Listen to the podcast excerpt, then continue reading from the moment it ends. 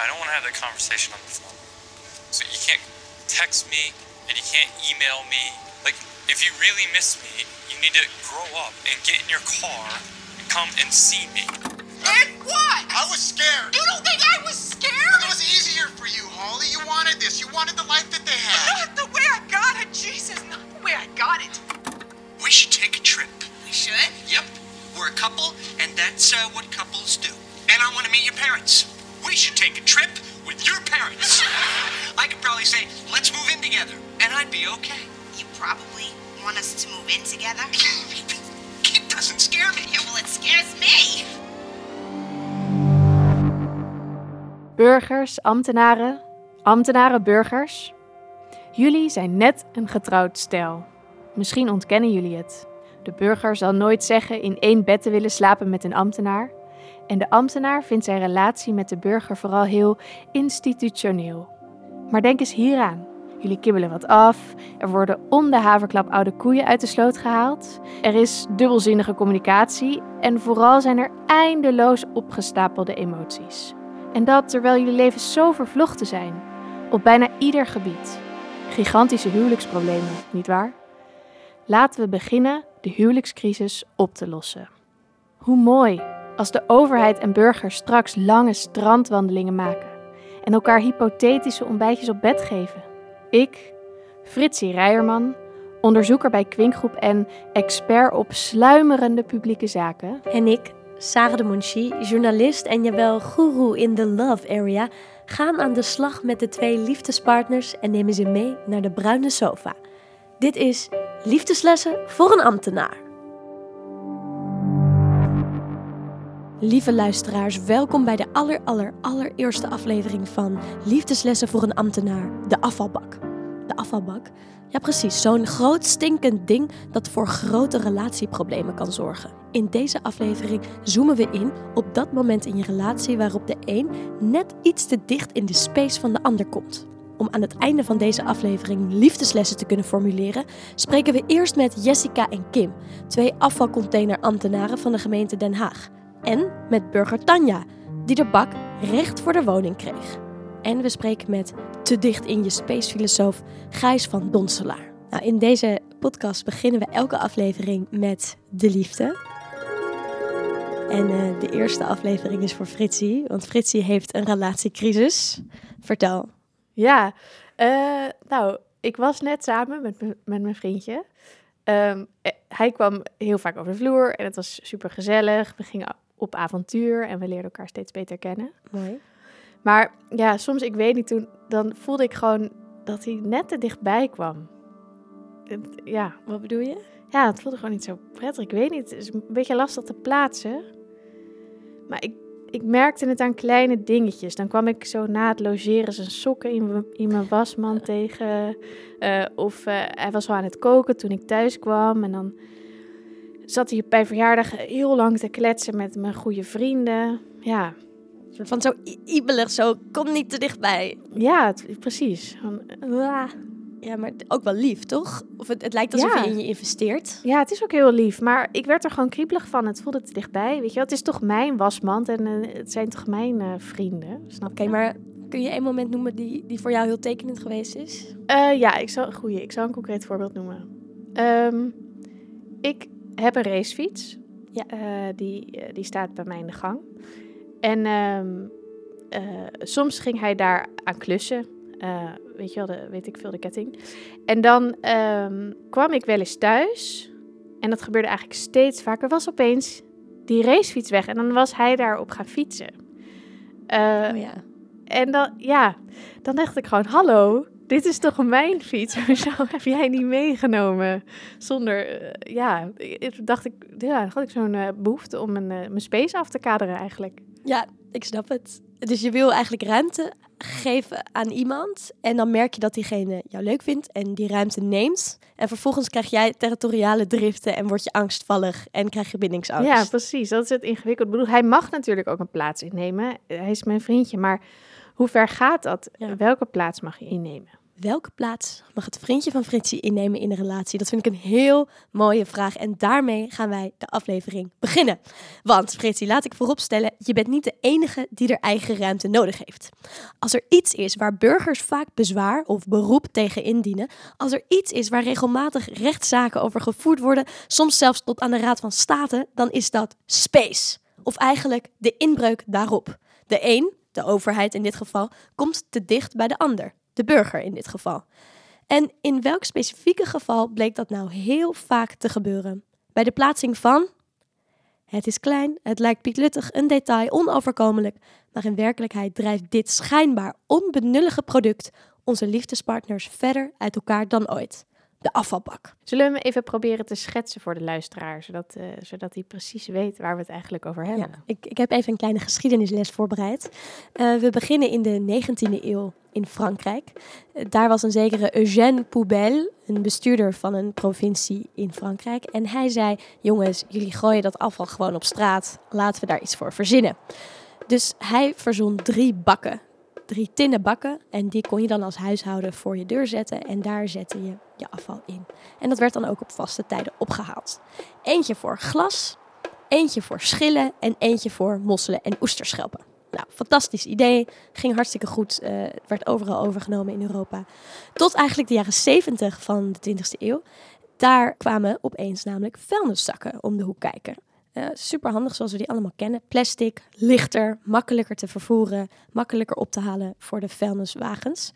Dat ging eigenlijk ook uh, heel lang zo. Zo zijn wij natuurlijk ook opgegroeid met de vuilniszak. Tot begin 21ste eeuw een Nederlandse uitvinding, namelijk de ondergrondse afvalcontainer. Zo werd het eigenlijk veel makkelijker voor uh, vrachtwagens om afval op te halen. En was het niet meer eigen tuin, eigen huis, eigen afval, maar werd afval opeens iets publieks. Want op de hoek van elke straat kwam zo'n grotere container. En verzamel je met z'n allen het afval. Precies. Dus een grote omschakeling. En de, die Nederlandse uitvinding is nu razend populair en wordt in uh, allerlei landen overgenomen. Maar dan is natuurlijk de volgende vraag: waar komt die ondergrondse afvalcontainer Precies. te staan? Ja, uit je eigen huis, uit je eigen tuin, naar de straat. En we gingen op zoek naar, uh, naar iemand die zo'n afvalcontainer voor de deur kreeg. En die vonden we. Lieve luisteraars, ik stel aan u voor vrouw, 60, Hagenees, kort geknipt haar. Volledige naam is Teuntje en haar roepnaam is Tanja. Ze woont in het Zeeheldenkwartier in Den Haag. Het schijnt een beetje een juppenbuurt te gaan worden. Ja, maar uh, het is eigenlijk ook een beetje een volksbuurt nog. Het is niet dat je constant bij elkaar over de vloer loopt, maar als je elkaar nodig hebt, dan kan het toch wel dat we voor elkaar klaarstaan.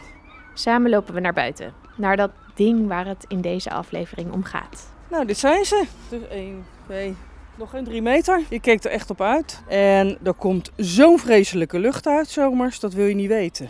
Eh, hoe wist je dat deze afvalcontainers hier zouden komen? Ze hebben hier uh, een heleboel groefsleuven gegraven. En dan werd het weer dichtgegooid. En dan kwamen ze een paar maanden later weer graven. En dan werd het weer dichtgegooid. Het was eigenlijk een beetje hilarisch. En dan kwamen we weer en dan weer. En op een gegeven moment was het al zo van, oh jee, ze zoeken nog steeds naar Jenny de olifant, want die is nog steeds kwijt. Hè? Die ligt hier ergens begraven. Het leek meer archeologische zoektochten als, uh, als uh, plaatsing van, uh, van containers. En iedere keer kregen we te horen, nee, je hoeft niet bang te zijn hoor. Hier liggen zoveel leidingen, je hoeft niet bang te zijn. Nee, hier komen ze op zeker niet. Nou ja, totdat er dus ineens een heel groot graafinstallatie kwam. En toen werden dus hele grote gaten gemaakt. En toen, ja hoor, toen wisten we het, want toen kwamen de bakken, de betonnen bakken erin. Nou, ja hoor, daar kwamen ze. Het zijn natuurlijk drie ijzeren, nare bakken die voor je deur staan. Die stinken. Zelfs zomers ruik je het gewoon door, door je dichte ramen heen, want het is een walgelijke lucht. Wat ik hier wel bij zie is dat we het aardig opgepimpt hebben met bloemetjes ertussen. Dat is het enige vrolijke, want anders word je er gewoon echt niet vrolijk van. Die buren daar die zijn er echt overspannen van geworden. Die, uh, die, uh, die lagen de hele dag achter uh, bij het raam te kijken of er niks naast gezet werd, opgezet werd. Of, die, die eerste zomer, dat was zo'n walgelijke lucht. En nou ja, bergen vliegen eromheen. Dat is gewoon eigenlijk een beetje je terreintje. En, en daar komt dan ineens een indringer. Er staat ineens iets voor je deur wat niet meer weggaat. Ik bedoel, we hebben het niet over een, over een vrachtwagen die even 24 uur voor je deur staat. Dat is al hinderlijk. Maar iets wat nooit meer weggaat. Nou, Tanja die was op zijn zachtst gezegd dus niet zo blij. Dat ging goed mis. Hoppatee, stinkende container op haar eigen terreintje. En die gemeentelijke ondergrondse afvalcontainer kwam veel te dichtbij. Nou, het probleem van deze aflevering is wel duidelijk. Hoe heten die dingen nou? Burger Tanja zegt dus orka's. Over die eh orka's, want zo heten die dingen. Orka's? Orax. Nou ja, alles kan. Nou ja, die dus. Maar waarom kan het zo misgaan? Om daarachter te komen ga ik verhaal halen bij de gemeenteambtenaren. Ik ga naar Den Haag en spreek met twee alleraardigste dames die al jaar en dag bezig zijn met afvalbakken. Eh, Jessica de Vries. Ik ben eh, 27 jaar en ik werk nu als projectleider bij de gemeente Den Haag. In het eh, gebied van afvalscheiden, ondergrondse restafvalcontainers. Ik ben Kim Kooks, ik ben 36 jaar en ik eh, ben tijdelijk ORAC-vertegenwoordiger en milieucoach. Ah, Orax. Ondergrondse restafvalcontainers. Ik vroeg Kim en Jessica waarom de gemeente Den Haag die Orax plaatst. heeft vaak te maken met dat in die wijken nog heel veel afvalzakken op straat liggen. En mensen eigenlijk geen ruimte hebben thuis om hun afval op te slaan. Dus dat je heel veel meeuwenoverlast hebt daar, dat is vaak de reden. En ook rattenoverlast. Qua efficiëntie is het ook wel makkelijk, want eh, qua ophalen hoef je alleen maar door die straat te rijden voor- de ophaaldienst. En dan ben je veel sneller uit een wijk dan dat je al die straten door moet. Dus dat is wel makkelijk. Hoe bepaal je waar die bak komt? Meestal gaat het eh, ons ingenieursbureau. Die kijkt dan van nou waar liggen de kabels en leidingen in de ondergrond. En waar zou überhaupt de ruimte zijn voor een bak. En dan kijken we naar het aantal huishoudens. Dus hoeveel, hoeveel mensen wonen daar, dus hoeveel bakken hebben we nodig. Dan gaan we ze gewoon eens intekenen. Van waar, waar kunnen ze. En dan kijken of we uitkomen met loopafstanden, zodat ze niet te ver staan. Dan komen ze bij de Haagse Milieuservice. Dus dan gaat die eigenlijk een rondje rijden en kijken of hij alle bakken kan, erbij kan komen. En of, hij, eh, of ze goed bereikbaar zijn. Dan komt het stadsdeel nog eventjes, eh, die beslist nog even mee. Wat vind ik ervan? En dan gaan wij rondje lopen door de wijk. Staan ze goed? En ze niet beter voor een blinde muur? Moeten we toch niet een stukje opschuiven? Er worden een paar kleine wijzigingen gedaan. Controleer nog op veiligheid en verkeer en dat soort zaken. En dan eh, gaat hij naar het college, dat plan. Kleine twee maanden.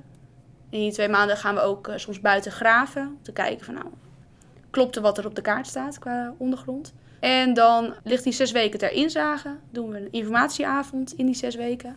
En dan kan gewoon iedereen reageren op het plan. Dus dan krijgen we heel veel zienswijzers binnen. Gaan we ook nog graven af en toe.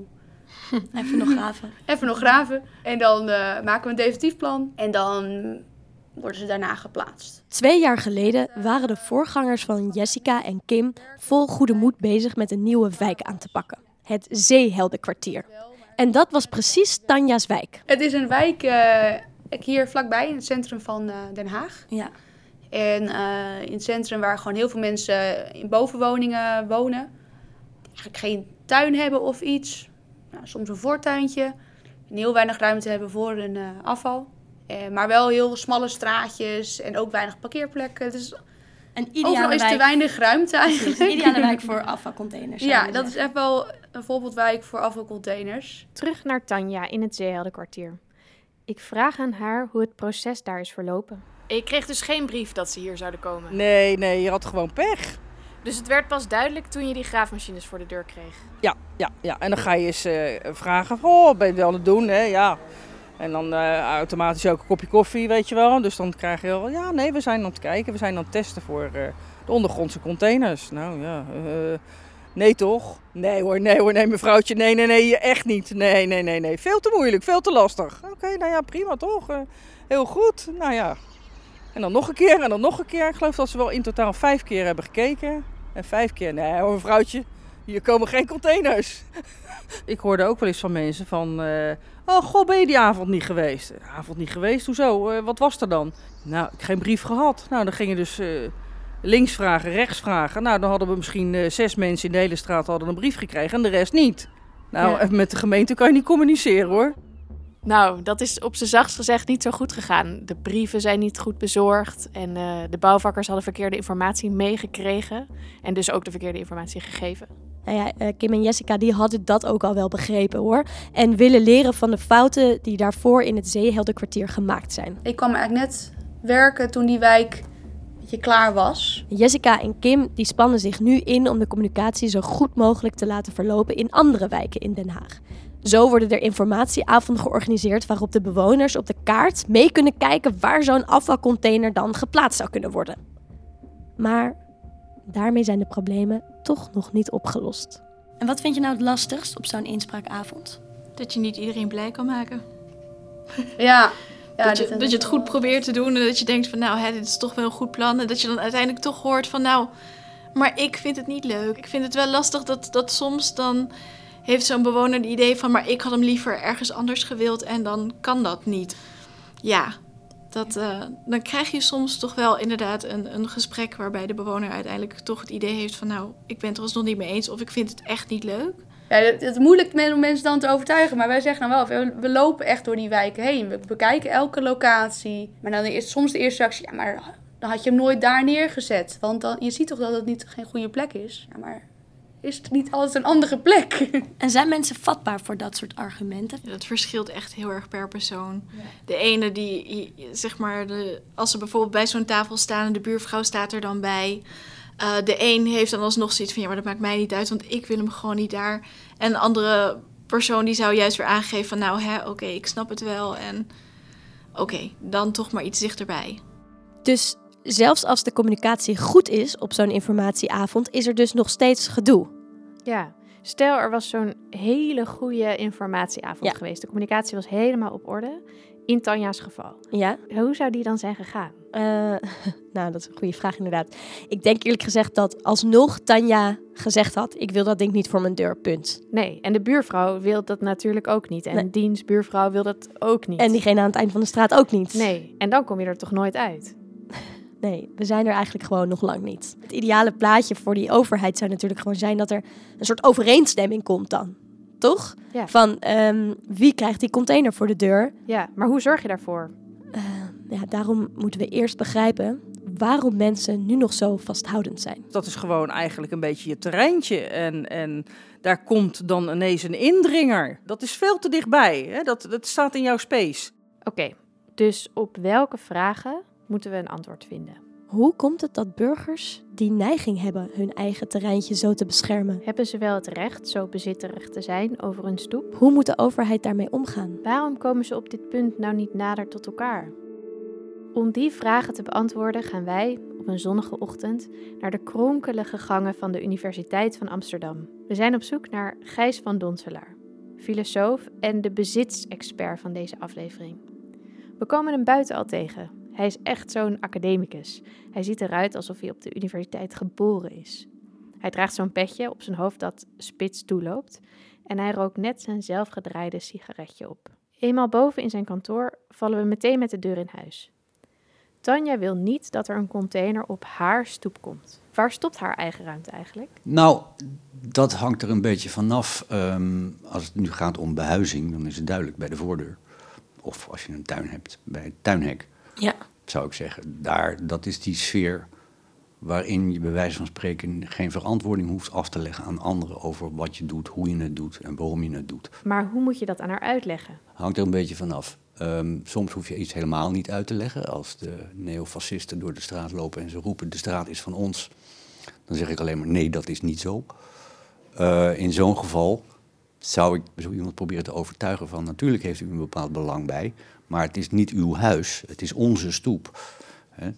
Er zijn complicerende factoren, want bezit brengt verantwoordelijkheden met zich mee. En dan zou je kunnen, geneigd kunnen zijn dat als je iemand verantwoordelijkheden toeschrijft, dat die persoon dan gezegd van, ah, dan is het kennelijk van mij. En dat is hier natuurlijk wel het geval, want je wordt wel geacht jouw stoep ijs- en sneeuwvrij te houden. En als je het niet doet en iemand breekt zijn been omdat die uitglijdt, heb jij een probleem. Dus het, het blijft complex. Wat is er zo complex aan de stoep? Aangezien eigendom en verantwoordelijkheid nogal nauw aan elkaar verbonden zijn, zou je nu geneigd kunnen zijn van, aha, dus als ik ergens verantwoordelijk voor ben, op een bepaalde hoogte, dan ben ik kennelijk ook voor een deel de eigenaar ervan. Ja. En dat, dat schuurt hier, dat is wel waar. De boodschap dat de stoep niet van haar is, ga ik aan Tanja brengen. En dit is hoe ze reageerde. Die stoep is niet van jou, zeg maar. Je kan niet zeggen Ja. over je huiskamer, je kan niet zeggen over je tuin, maar je kan niks zeggen over je stoep. Hoe voelt Precies. dat? Dat er dus iets van jou voelt. Het voelt als van jou, Ja, terwijl het niet van jou is. nee, het, het, het, voelt, het voelt van jou. Het, het, eh, eh, eh, je wordt wel geacht om het schoon te houden. Maar het is dus niet van jou. Nee, je hebt er niks over te vertellen.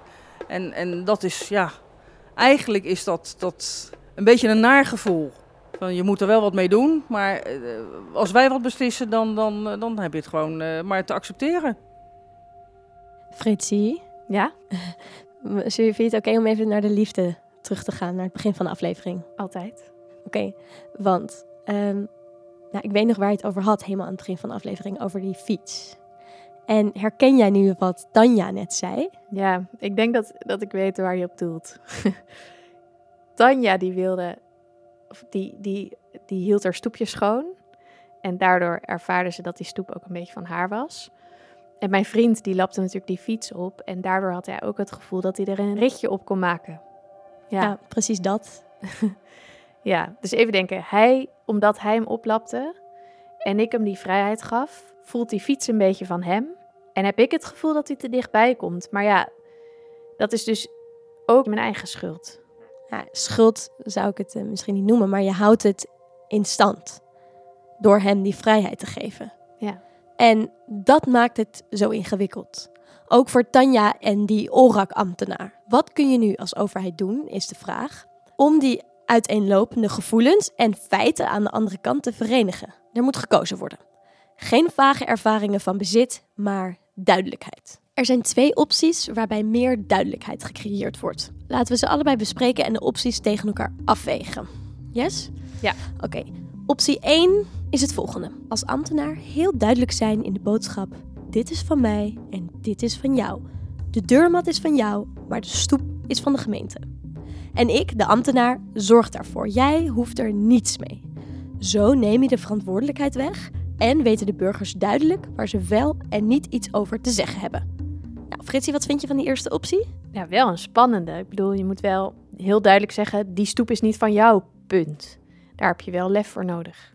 Ja. Hoe, hoe moet je dat dan aanpakken? Nou ja, ten eerste hebben inspraakavonden dan gewoon geen zin. Eh, want ja, de ambtenaar gaat toch kiezen. Dus dan kun je wel een beetje potloodstreepjes gaan zetten op kaarten. Maar dat heeft helemaal geen zin. Ehm, dus je, het is eigenlijk meer een soort informatieavond die je dan zou moeten geven in deze eerste optie. Dan schets je heel helder en duidelijk wat er gaat gebeuren en wat de burger kan verwachten. En dan ga je alle mogelijke symbolische inspraak zoveel mogelijk uit de weg. En daarbij moet je één ding echt niet vergeten. Daar had ik het met Tanja over en die zei: Dit is wat je moet zeggen als ambtenaar. Joh, eh, we begrijpen wel dat. eh, al hadden ze, ja, al hadden ze denk ik maar gezegd: we begrijpen wel dat het niet fijn is dat je die stinkdingen voor je deur krijgt. En Zo'n inspraakavond is dan dus veel meer een soort troostavond. En troost kun je ook op een andere manier bieden. Gijs van Donselaar, onze filosoof, heeft daar wel een idee over. Ik vind het niet onredelijk dat de overheid niet alleen maar zegt van ja, het moet nu eenmaal en jij hebt pech gehad. Je kan als het ware de pijn eerlijker verdelen door uit collectieve middelen dan weer, die we allemaal zelf opbrengen immers, eh, een compensatie voor zo iemand te regelen. Nou, Fritsie, is dit iets wat je in je relatie zou kunnen toepassen? Even denken, ja, eh, in deze situatie gaan we heel erg ons eigen leven leiden. Ik op mijn racefiets en hij op zijn eh gazelle stadsfietsje. En die space is dan heel duidelijk afgekaderd. Ehm, dus hij hoeft zich niet verantwoordelijk te voelen voor dingen die niet van hem zijn, namelijk mijn, mijn fiets. En als ik dan toch vraag of hij iets voor me kan doen, ehm, dan zou ik hem daarvoor iets terug moeten geven. Eh, zodat duidelijk is dat ik hem compenseer voor zijn reparatiediensten. Nou, dat klinkt best werkbaar, toch? Eh, jawel, maar ik leg je ook nog een andere optie voor. Optie 2 voor meer afvalcontainer duidelijkheid is juist de verantwoordelijkheid maximaal inzetten. Oké, burger, jij voelt je verantwoordelijk over de stoep. Dan zeggen wij bij deze als overheid dat het ook jouw stoep is en straks dus ook jouw container. Optie 2 kent, zo vertelde filosoof Gijs ons, in ieder geval drie stappen. Stap 1. Er moet allereerst een eerste keuzemoment zijn voor burgers of ze überhaupt die container willen, of dat ze het gewoon bij het oude willen laten. De burgers beslissen dit dus zelf. Dan stap 2.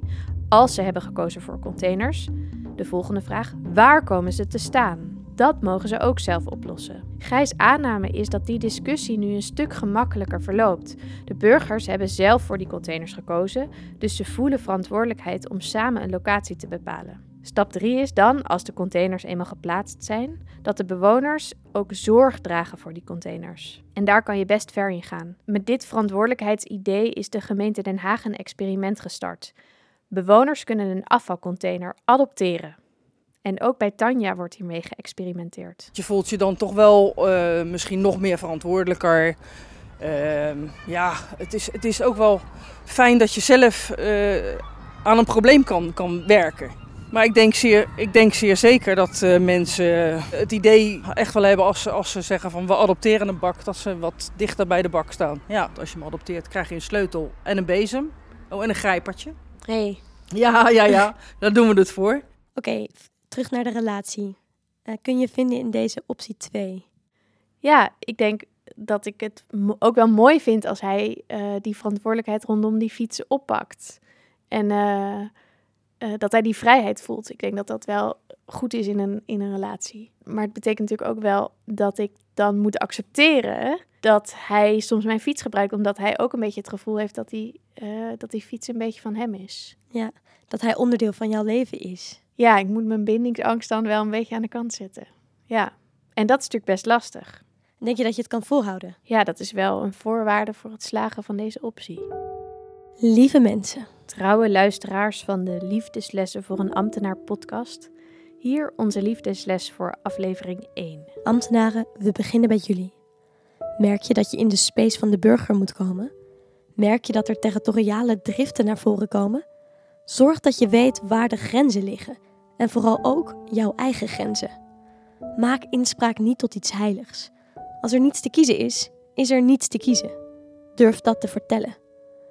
En wil je juist dat de burger wel iets kiest en verantwoordelijkheid voelt over zijn omgeving? Durf die verantwoordelijkheid dan ook uit handen te geven.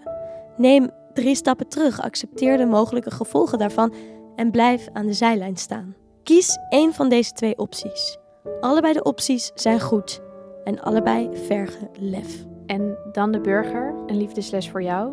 Ten eerste, het heeft niet zoveel zin om dingen die niet van jou zijn territoriaal af te bakenen. Iets dat als jouw space voelt, is niet altijd alleen van jou. Dat betekent overigens niet dat het niet logisch is dat je je verantwoordelijk voelt voor je omgeving. Laat daarom duidelijk horen hoe jij de relatie voor je ziet. Wil je graag verantwoordelijkheid nemen? Neem dan alle facetten ervan. Het is echter ook mooi om je behoefte aan space even opzij te zetten en de ander zijn gang te laten gaan. Misschien groeit jullie relatie daar alleen maar van. Duidelijk? Duidelijk.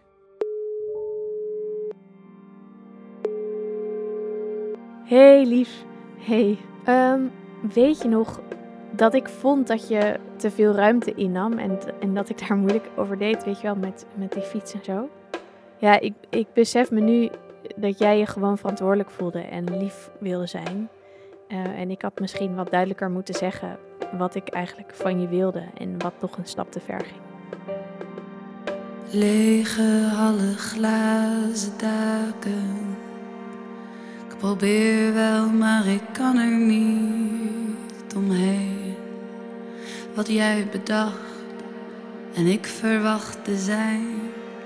Brieven vol verwarring, onlosmakelijk verbonden. Houden we ons groot, maar zijn we klein? In dit Deze podcast is tot stand gekomen met steun van onderzoeks- en adviesbureau voor maatschappelijke vraagstukken Kwinkgroep. Daar kan je terecht voor deze en andere ambtelijke liefdeslessen. Edit en mixage door Ellemieke Middelhof en Ruben Dekker. Muziek van Judith Rijzenbrei en illustratie door Aafke Bouwman. Wij zijn Sarah de Monchi en Fritsie Rijerman. Tot volgende week. Speelt de wind een liefdespel, steeds een stukje van me mee. Vuurt je door mijn aderen, als alle rivieren naar de zee. Naakter was ik nooit tevoren als je naar me kijkt. Ik hoef je niks te zeggen, want je kent al lang mijn spijt. In dit licht kijk je om naar die dagen alles leek te kunnen. Ik koester jou daarom